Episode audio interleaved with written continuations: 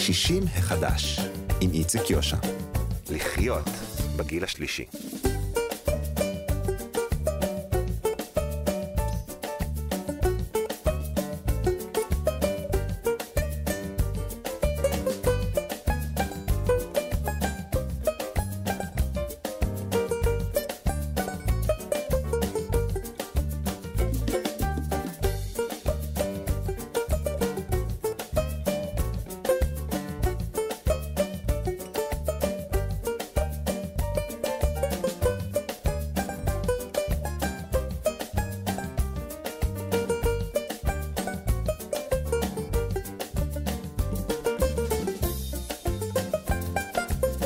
שלום, שלום לכם מאזינות ומאזיני כאן תרבות, אנחנו שישים מחדש. הבוקר נדבר על חידושים בטיפולים באמצעות קנאביס בבני הגיל השלישי, גם בנות הגיל השלישי. נספר על ספר שכולו מחשבות על הקורונה בעקבות הסגר הראשון ששלח את כל הקשישים לבידוד אכזרי. נמשיך אה, ונביא לכם סיפורים מהמפגשים בהם אה, ניצולי שואה נפגשים, שרים ומספרים את סיפוריהם. נערך גם את העיתונאית והסופרת ענת לב אדלר, שכתבה ספר חדש על אישה בגיל המעבר.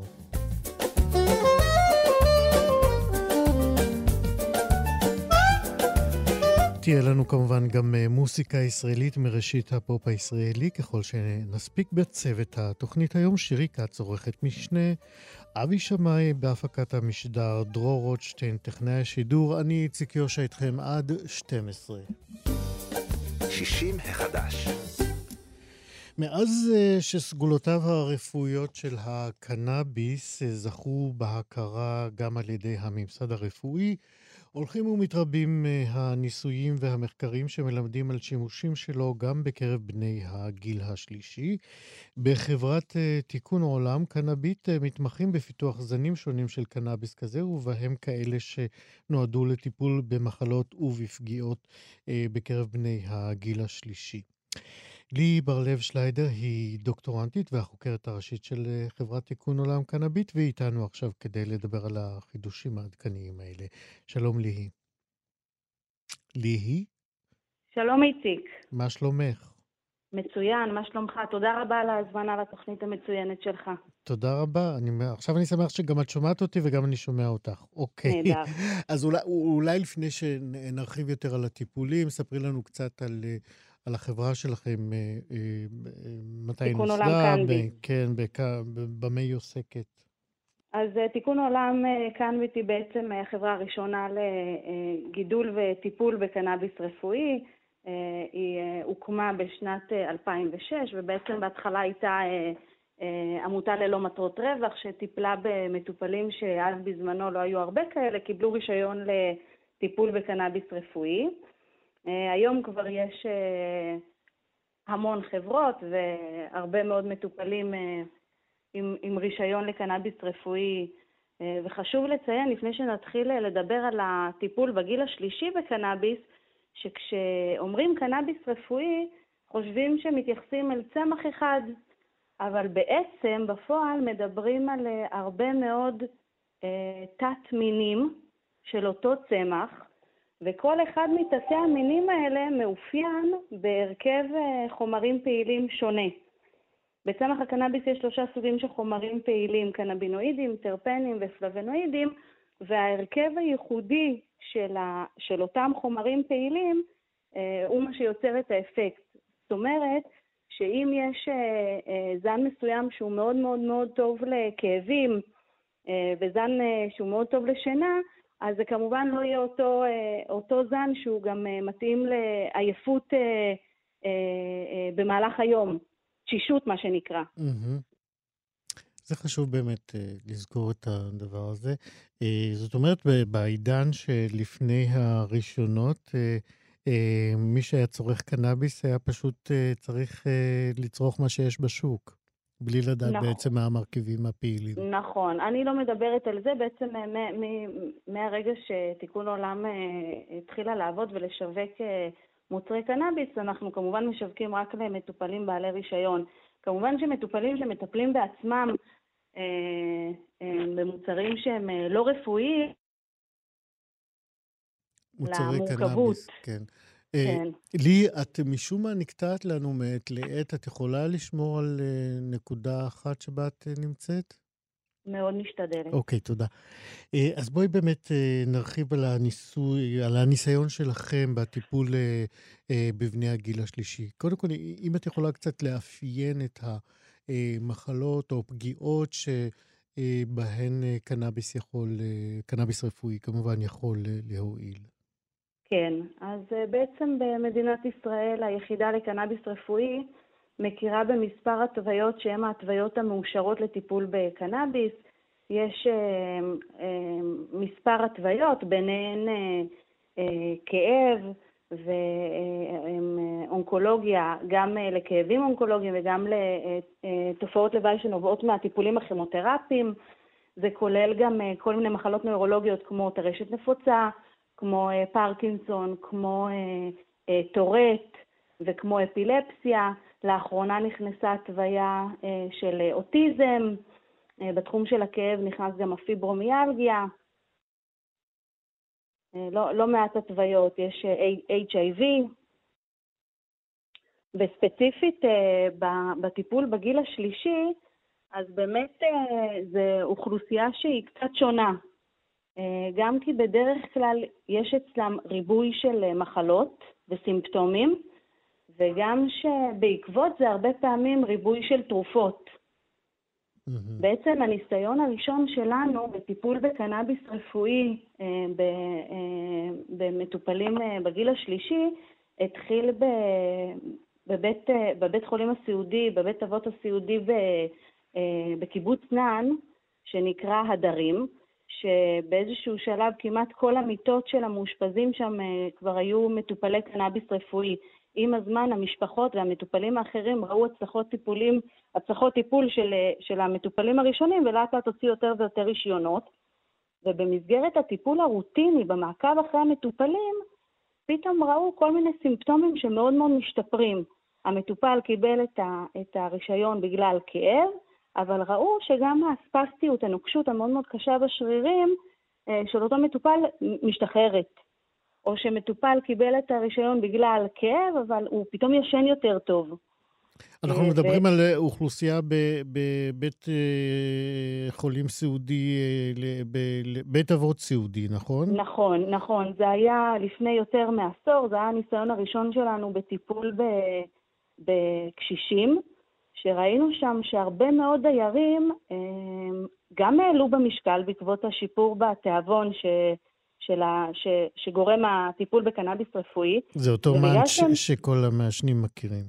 נכון, אמ, וגם... אה, את נורא מסויגת משימושים לא רפואיים של הקנאביס. נכון, נכון. למה? אני, אני, אפילו, אני אפילו אגיד לך שאצלנו יש מוטו.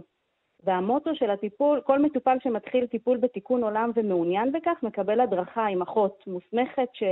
בעצם עוברת איתו על רשימת הסימפטומים שמהם הוא סובל ומאפיינת את הטיפול המדויק עבורו, טיפול היום, טיפול הלילה, לפעמים זה שילוב של כמה מוצרים.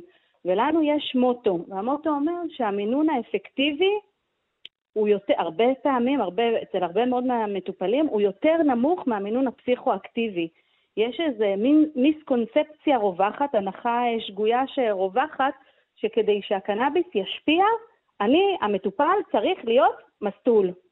וזה ממש לא המצב. בשביל המון סימפטומים, אה, אה, כמו שאמרתי, המוטו שלנו, המינון האפקטיבי יותר נמוך מהמינון הפסיכואקטיבי, הרבה פעמים ההשפעה על הסימפטום מגיעה גם בלי תחושת ההיי, תחושת האופוריה. ו- ומבחינתנו הסוטול זה תופעת לוואי אה, לא רצויה. כמובן שיש מטופלים שרוצים את זה, ואז הכל בסדר וזה, וזה נהדר, אבל, אבל הרבה פעמים זו תופעת לוואי שאנחנו מנסים להימנע ממנה, בעיקר במהלך היום, אז, אה, אז זה חשוב לציין שלא חייבים להיות מסטולים כדי ליהנות מיתרונותיו ומסגולותיו של, אה, של הצמח המופלא הזה. כן. אה, את יכולה בכל זאת לנסות לאפיין מחלות שבדרך כלל אנחנו פוגשים אותן בגיל השלישי והקנאביס הרפואי נותן להם מענה, למשל דמנציה, אלצהיימר? כן.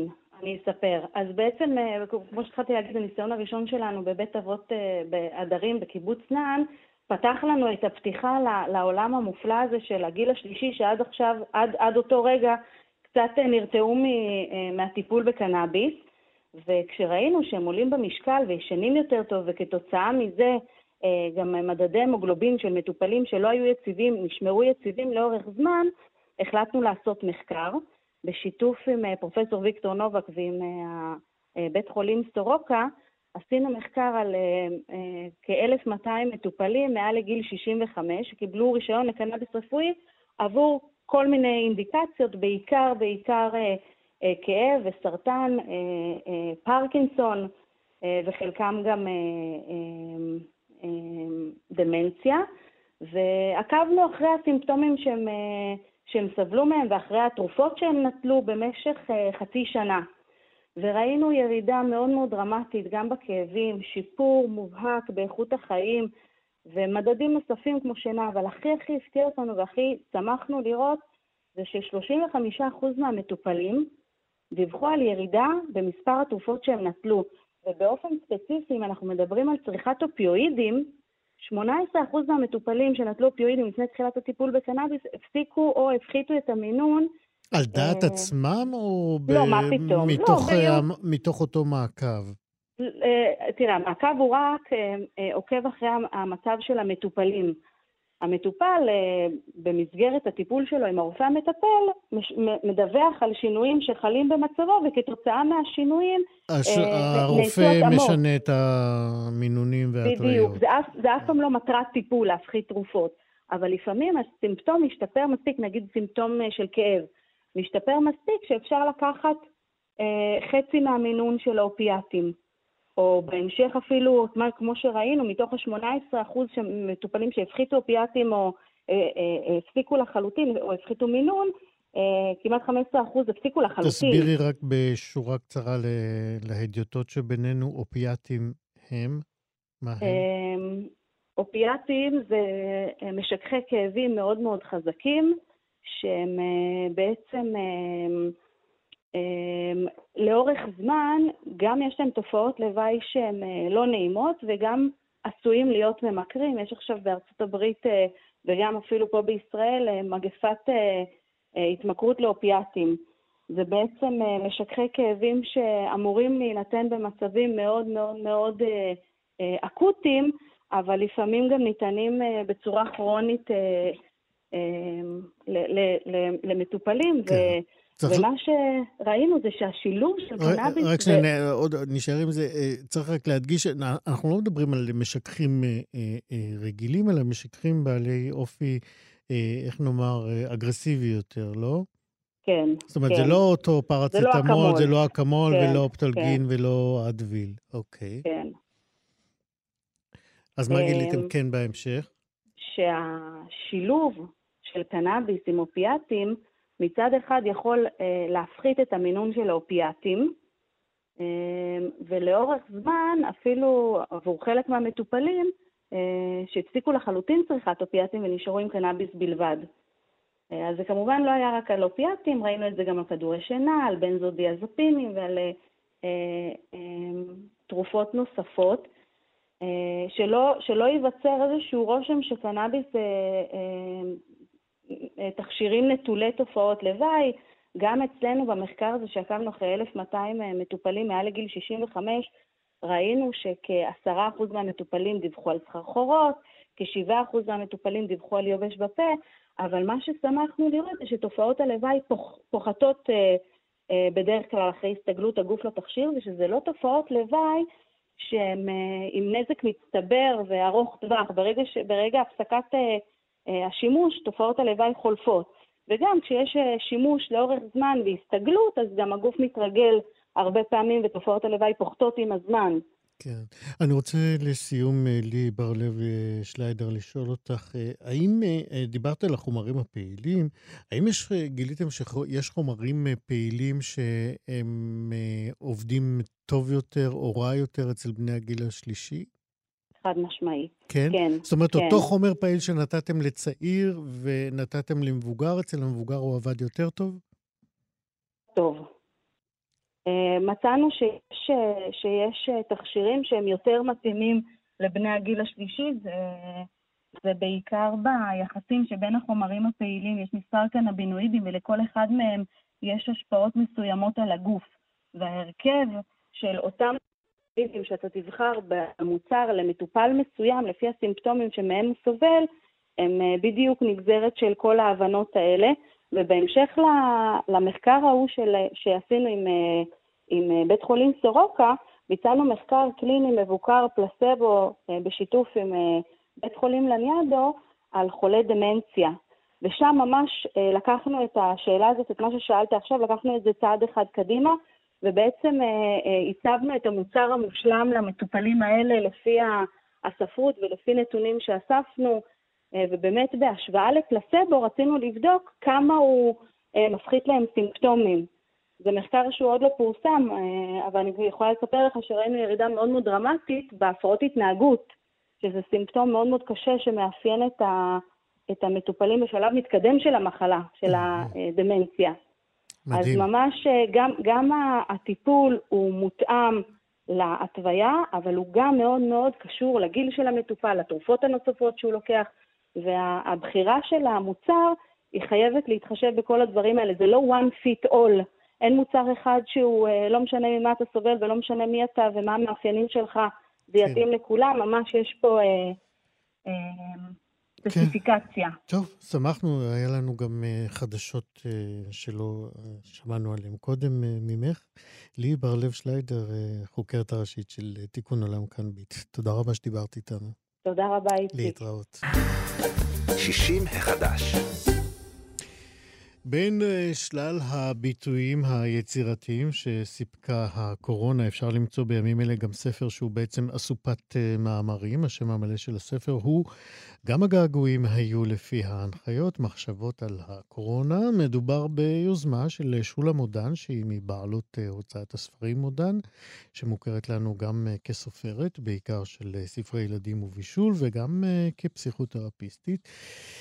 וטראומת הסגר הסגר הראשון שחוו אה, במיוחד בני הגיל השלישי עוררה אותה למעשה, והיא חשבה שיהיה כדאי לבקש מדמויות שונות, מוכרות יותר ומוכרות פחות, פשוט לכתוב התייחסויות אישיות לקורונה. היא ביקשה שהם יהיו בשפה פשוטה, אה, נקייה מכל אה, מה שהיא קוראת ז'רגון מקצועי, ובאמת התוצאה היא אסופה מרשימה מאוד של כמעט 50 כותבים מתחומי עיסוק שונים ומגוונים שכתבו על הקורונה שלהם. שלום שולם עודן. בוקר טוב. ברכות על היוזמה הזאת. תודה, אני רק מתקנת. תקני אותי. שלא בתור אה, נציגת הגיל השלישי, אם כי הרווחתי אה, אותו בכל שנותיי. ברור, את עוד לפני שהמדינה... אבל אלא בתור בן אדם. מה? אני אומרת שבעצם התגובה שלי הייתה בתור בן אדם, mm-hmm. אנחנו כבר, זה, זה נראה, בסך הכל שנה וחצי, אבל זה נראה לפני הרבה שנים, כאילו שהיא הייתה כאן תמיד. נכון, היא אינטנסיבית מדי. אה, כן, גם לטעמי. אה, ובעצם היא חוללה שינויים בכל פינה של החיים שהסתכלנו עליהם. אני חושבת, אני אקריא אולי אה, את הארבע שורות פתיחה שכתב יעקב רז בחודש mm-hmm. אפריל, אפריל הראשון. כן. או יש לנו אפריל הראשון, השני, יהיה לנו גם כנראה השלישי. שלא נדע כנראה גם רביעי וחמישי, אה, אבל כן, אה, הוא כבר חלק מהחיים. כן. והוא כתב נורא יפה, הוא כתב... אה, חודש אפריל היה אכזרי בחודשים, כמו שאמר המשורר. הגופות ששתלנו באדמה עוד לא נבטו. לא פרחו כמובן. עוד לא בא הכפור לכסות את הערוגה. גם הגעגועים היו לפי הנחיות. ואני חושבת שכבר מהקטע הזה, אנחנו למשל לומדים מילים חדשות שבכלל לא ידענו לפני פברואר הקודם. מה זה געגועים לפי ההנחיות? זהו, וגם נגיד שבאמת את מצרפת אה, מיל, מילון, אוצר מילים אה, קורוני אה, בספר. אה, את יודעת מה? תמשיכי את, אני אנסה ביחד איתך אה, להתעכב על כמה מהמושגים. אה, אתה רוצה של מושגים? וואו, וואו, וואו, אין לי אותם לפניי. לא נורא. אבל אז... אתה יודע מה, אני אעשה את המושגים דרך אנשים שכתבו. או, זה גם בסדר? טוב. בטח. אז, אז בעצם, אה, לילה קמחי, שהיא עוסקת במדיטציה ובודהיזם, אז היא מביאה את המשפט האלמותי, אל תבזבז משבר טוב. Mm-hmm. הקורונה היא חתיכת משבר, באמת, אין אדם שזה לא פסח אליו ברחבי העולם. ובעצם היא מעלה את האופציה, איך אנחנו מנצלים את הדבר. אנחנו רואים שהטבע הוא היה הראשון שניצל אותו. הציפורים... באיזה אופן? הציפורים אה, השמיעו את קולם וכולם שמעו אותם. התנים התחילו להסתובב אפילו בתל אביב. החזירים הגיעו לחיפה. ולעומת זה גם הייתה דממת מוות. לא, הם היו שם לפני הקורונה. אה, נכון, אבל הם מאוד התרבו. נכון. אה, יש למשל כותב אחד שהוא, אה, קוראים לו דוקטור עזיז דראושה, הוא מנהל היחידה לרפואה משלימה ברמב"ם, שיצרתי איתו קשר, אגב, אני לא מכירה אף אחד מהאנשים. אז זהו, כולם אז... בקשרים טלפונים, אוקיי, כן. אוקיי, אז אני רוצה באמת אה, לשאול אותך בהקשר הזה. אני, אני נמנעתי בכוונה מלהזכיר את אה, אה, ש, שמות של הכותבים, כי באמת, הם, א', הם רבים, ב', כמעט אי אפשר לעשות איזשהו סדר של חשיבות. אז אולי באמת תספרי לנו את, איך באמת בחרת את הכותבים שבמבט עליהם מראה שבאמת הם מתפרסים על קשת מאוד רחבה של ייצוגים במציאות הישראלית. יש שם צעירים ומבוגרים ויהודים וערבים ודרוזים ובדואים וחילונים ודתיים, כמעט כל הניגונים. ומוסלמים ונוצרים. כן, אז למשל, כן. אה, אה, דוקטור דראושה, שהוא, אני ראיתי ראיון איתו ברדיו. Mm, שמעת. שמעתי ראיון ברדיו. okay. אוקיי. והוא הדליק אותי בהומור שלו. אוקיי. Okay. ומה שהוא אמר לי, אני דיברתי איתו סמוך לפסח. הוא אמר לי, תשמעי, את לא יודעת מה היה כאן. אנחנו חגגנו שלושה חגים יחד, את החג של היהודים, את החג של הנוצרים והחג של המוסלמים, ואכלנו אחד את האוכל של השני. והוא אומר, זה מעולם לא היה אצלי, אני בבית חולים 30 שנה, ולא היה לי כזה דבר. זאת אומרת, התחושה של בסירה אחת, והתחושה הזאת היא מתגלגלת על פני כל העולם.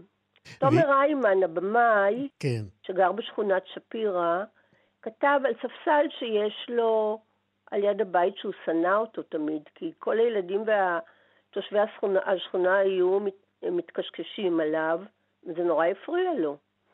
ופתאום בקורונה הספסל הפך חלק מהמשפחה שלו. הוא התחיל להכיר את האנשים, הוא התחיל לפטפט איתם, אה, עם הילד שלו הוא שיחק איתם כדורגל. וזה עוד פעם מטמורפוזה שלא הייתה קורית לולא הקורונה. אה, אה, נוזה אלוזיל, שהיא עובדת סוציאלית אה, מספיר, חזרה לכפר שלה אחרי באר שבע, והיא אומרת, היא אשת העולם הגדול, מלאת פרסים, אה, טסה ממקום למקום ומביאה את איך משלבים מחברה מסורתית בתרבות מודרנית, חזרה לחברה המסורתית. ראתה את הכפר שלה בעיניים אחרות. אה, איך היא, איך היא הסבירה את זה? בטח. היא, היא הסבירה את זה דרך זה שהיא ככה אה, מופיעה הרבה בעולם. היא חיה בספיר, היא שם גרה, ואין לה את הזמן, היא ראש חוג, אין לה, היא מרצה מצטיינת שם, ואין לה זמן לחזור לכפר, למשפחה, אם אני זוכרת טוב, ארבע בנות ובן אחד. והפעם, בגלל הסגר, היא הייתה שם כמה חודשים. ופתאום ראתה עבודות מסורתיות, מאכלים מסורתיות, היא כבר לא הייתה שם. כן. אה, אני, אני רוצה להשתמש קצת בכובע שלך כפסיכותרפיסטית. אה, אמ, את יכולה למצוא איזשהו קו, אה, נקרא לזה נפשי, רגשי, שעבר כחוט השני, אם בכלל, בין המאמרים שקיבלת? אתה יודע, אני חושבת שההתמודדות הקשה ביותר של, של אדם בחייו זה שינויים. שינויים. שינויים, כן. Mm-hmm. תחשוב, אתה סתם, הדוגמה הכי פשטנית, אתה קם בבוקר, אתה יוצא מהבית, בגדי קיץ, פתאום יורד גשם. אתה לא, לא ערוך לזה. מה אתה עושה? אז יש כאלה שיעמדו בצד ויחכו, יש כאלה שירוצו בגשם, יש כאלה שתכף יקנו מטריה. ובעצם הקובץ הזה חושף איך כולן, איך כל אחד מאיתנו חי עם שינוי. מה הוא עושה? יש כאלה שהשינוי נכפה עליהם. יש כאלה, זאת אומרת, סגרו, יש לנו, אה, אני לא יודעת אם אתה שמעת, אבל הייתה אה, כתבה מתמשכת על אה, משפחה שבנתה משחקייה בראשון, גליצ'ה קוראים לה, mm-hmm. שהיא נסגרה כי סגרו את כל המשחקיות, וכל פרנסת המשפחה הייתה שם. כספם, הונם, חסכונותיהם, ואני שמעתי בטלוויזיה רעיון עם האבא, האימא וילד בן עשר, הבן שלהם. וכל אחד הגיב אחרת.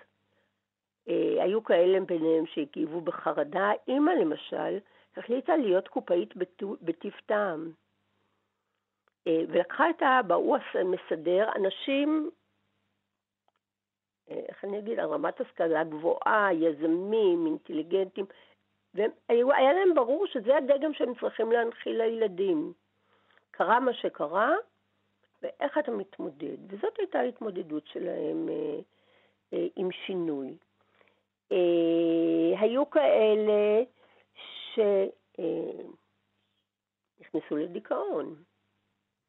מישהו כתב, אשתי שומעת ציפורים, ואני שומע דממת מוות. Mm-hmm. חזק.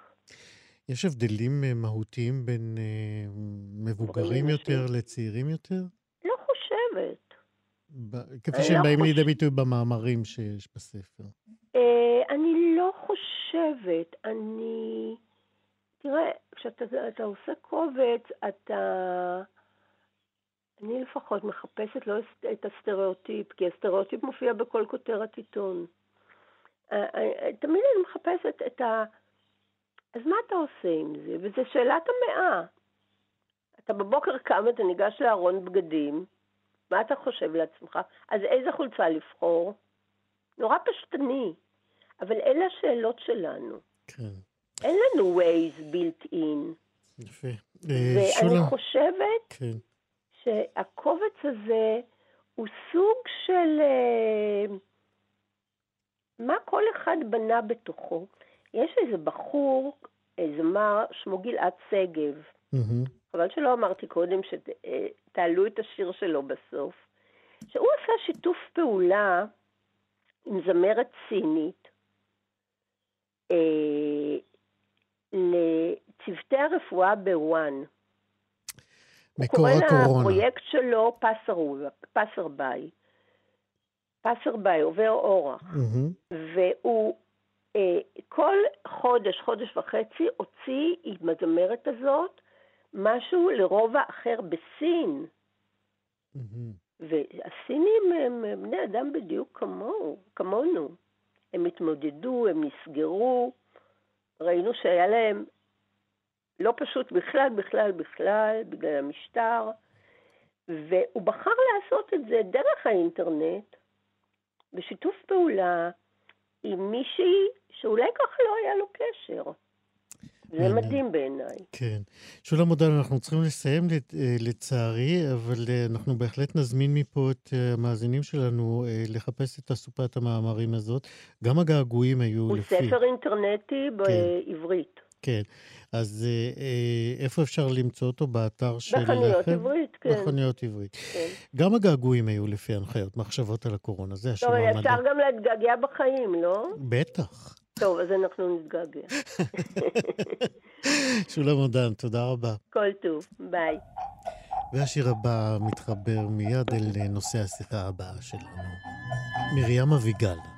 בדרך לתבור. דרך התבור הלכתי לבדי, מאחורי שמעתי כל פרסה.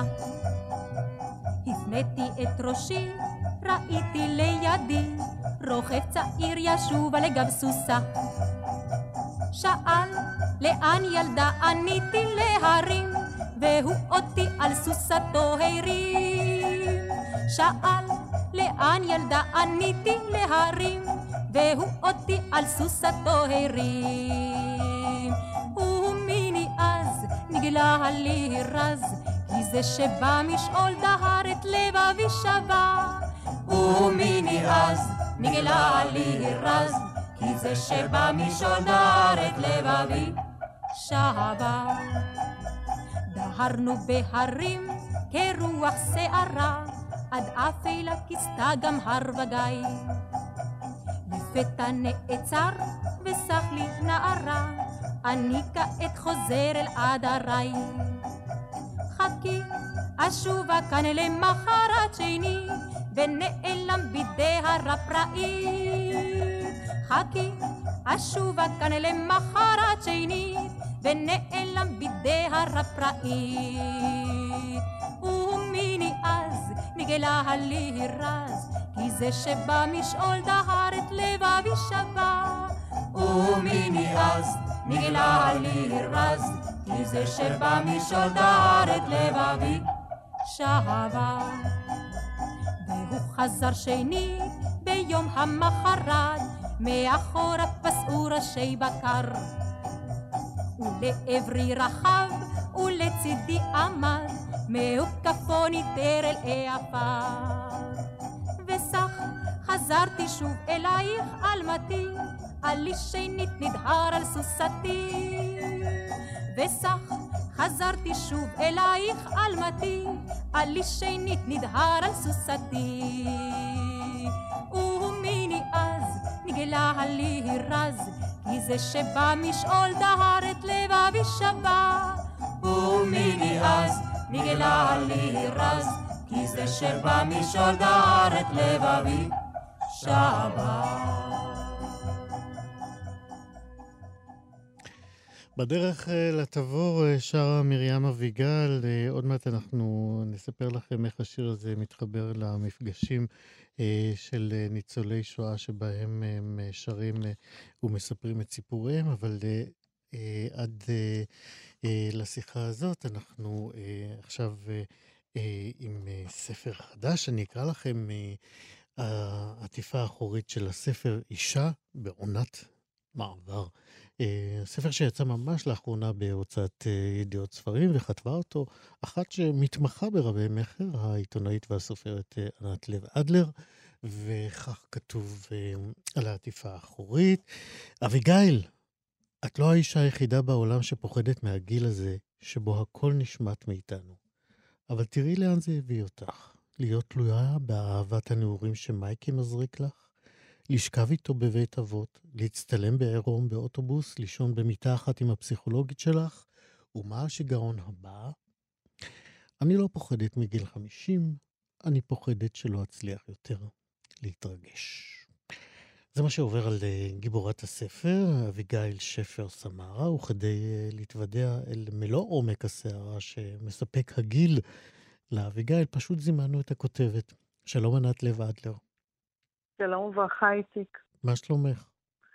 בסדר גמור. ברכות על אה, עוד רב-מכר בהתהוות, לא? לא בהתהוות, רב-מכר. רב-מכר לגמרי. נגיד שגם אה, הקודם שלך, כותבת ומוחקת אהבה, נמכר בלמעלה מ-50 אלף עותקים, נכון? נכון מאוד.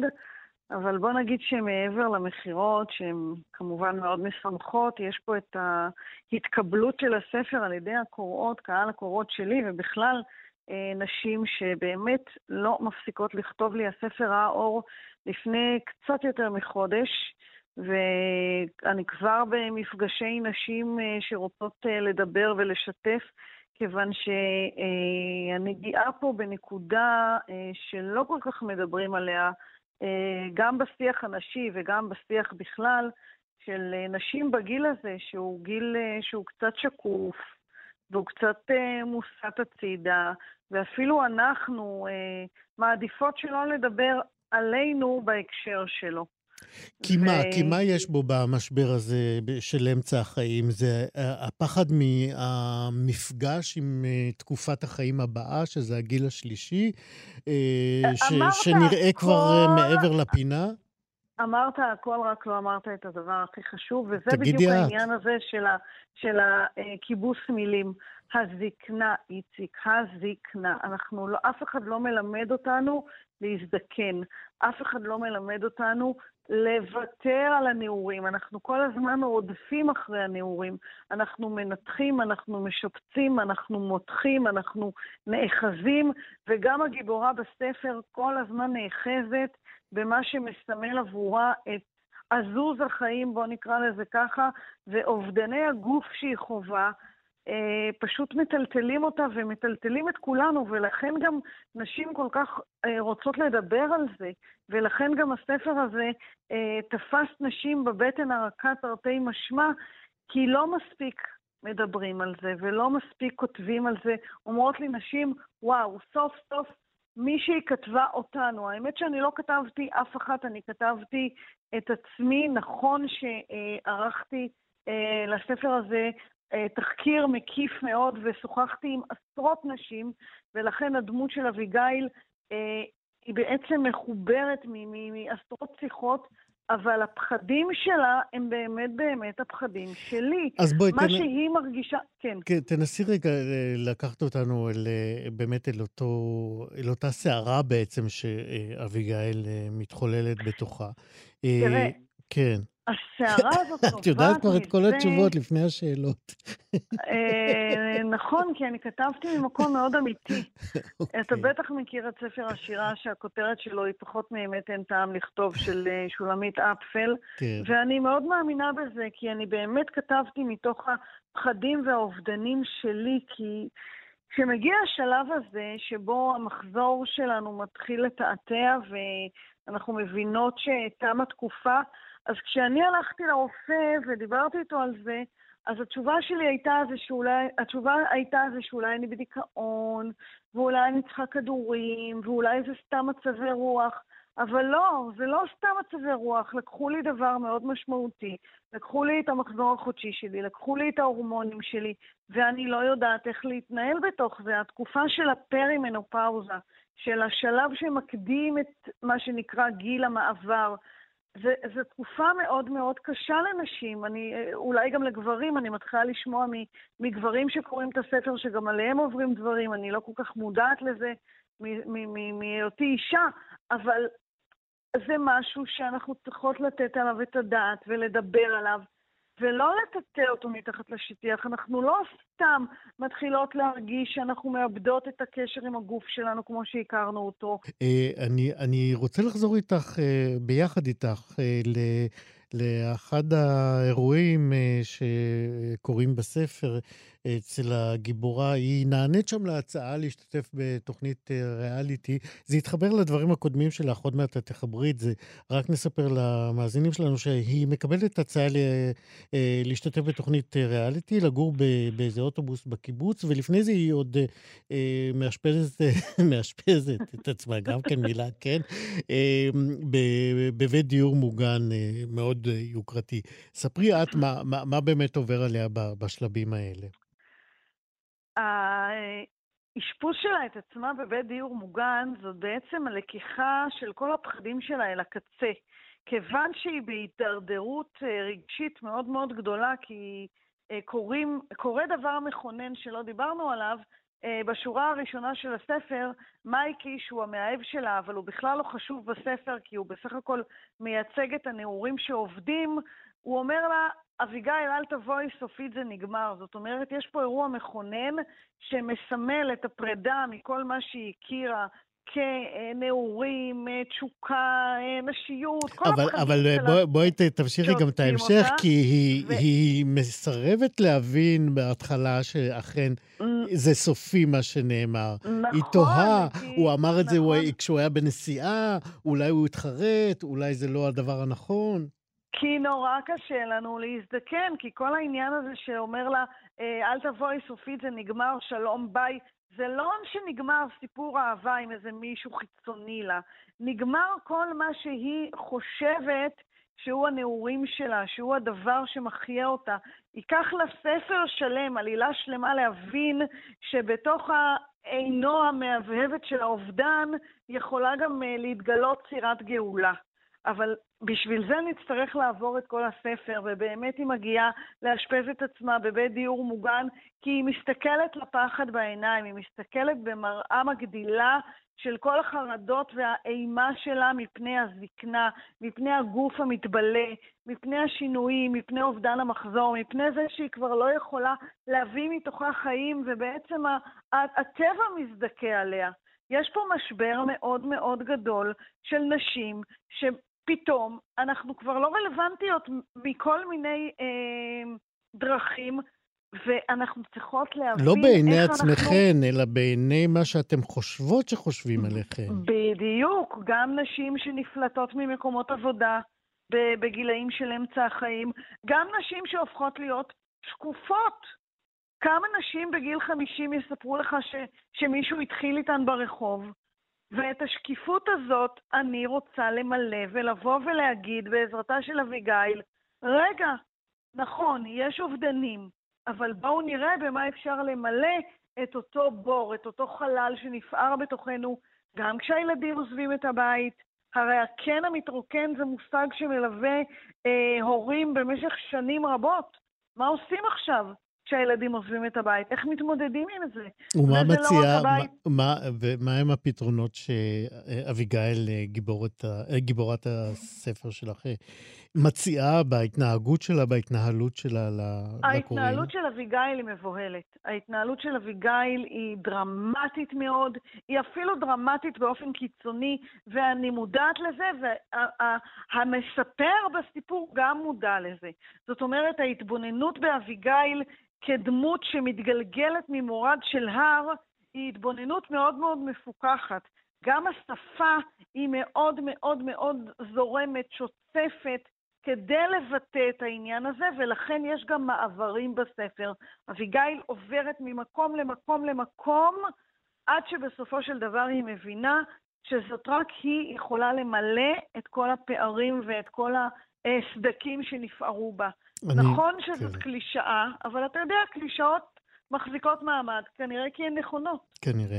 אני, אני רוצה להתעכב איתך על עוד משהו. על, מה שיש בפערים האלה באמת, וזה עובר גם אה, דרך אה, אה, ההיכרות עם אביגיל, זה התפכחות מהמון שקרים. אני כל כך שמחה שאתה אומר את זה. בואי ספרי לנו על אותם שקרים שאביגיל מתפכחת מהם. זה התפקיד של המצלמה, דרך אגב, בסיפור.